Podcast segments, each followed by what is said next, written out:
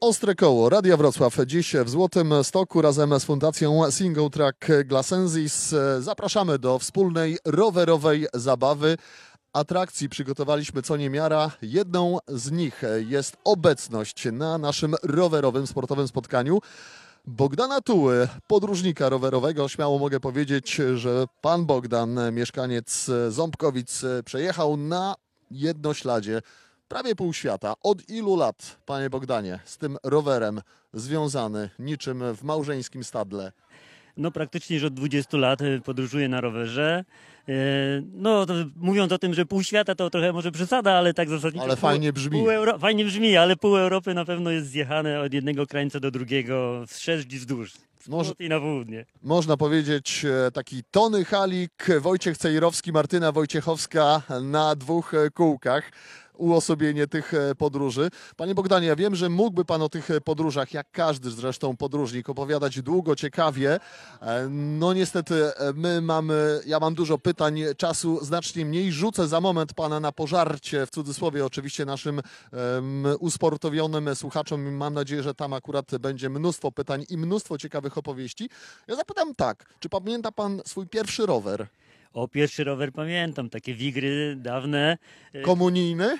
Komunijny można powiedzieć, żeby było śmieszniej, to dziadek hodował świnie i dostał talon za sprzedaży świni na rower i e, podarował wnukowi. O proszę bardzo, no to piękna e, historia. Nie wiedziałem, że sprzedaż świń może się przełożyć też na usportowienie społeczeństwa.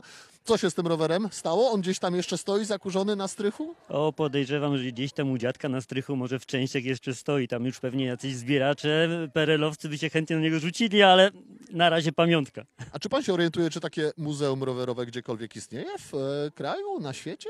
Jest muzeum takie w Radomiu, taka grupa pasjonatów em, zbiera stare rowery i bardzo ciekawą kolekcję posiadają z całego świata praktycznie. Panie Bogdanie, proszę powiedzieć, e, e, dla pana rower to nie tylko narzędzie do rekreacji czy przejażdżek do okolicy, ale przede wszystkim no, taki pojazd do zwiedzania świata. Troszeczkę tych podróży było, która panu jakoś szczególnie utkwiła w pamięci, do której pan najchętniej wraca, najchętniej się nią chwali. O, to oczywiście trudne pytanie, ale najświeższe wspomnienia to z takiej podróży do Gruzji, gdzie z kumplem pojechaliśmy i zwiedzaliśmy na rowerze Gruzję. To takie najmocniej w pamięci się utkwiło, bo ostatnio no, przez te różne ograniczenia nie można było nigdzie pojechać, a tutaj cały czas w głowie ta Gruzja jeszcze siedzi. Najdłuższa trasa pokonana? Najdłuższa trasa to 1400 kilometrów.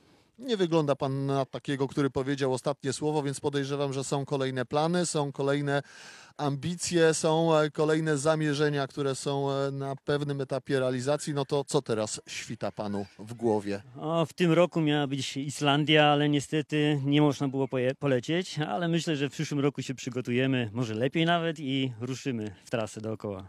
Dla pana to podróżowanie to jest wystarczającą formą treningu, czy też e, przed każdą taką poważniejszą rowerową wyprawą, e, no to są też jakieś godziny suchej zaprawy, gdzieś tam pedałowania na przykład na siłowni, na jakimś rowerze stacjonarnym, czy po prostu już pan już tak jest wytrenowany, że nie potrzebuje pan dodatkowej formy ćwiczeń? No, prawda jest taka, że z racji różnych obowiązków nie mam zbyt wiele czasu, żeby jeździć codziennie, pokonywać nie wiadomo jakie kilometry, ale e, ja mam takie przeświadczenie, że na takiej wyprawie rowerowej to wszystko siedzi raczej w głowie niż w nogach, także bardziej głowę trzeba przygotować do takiej podróży. No to proszę o tym pamiętać, drodzy rowerzyści.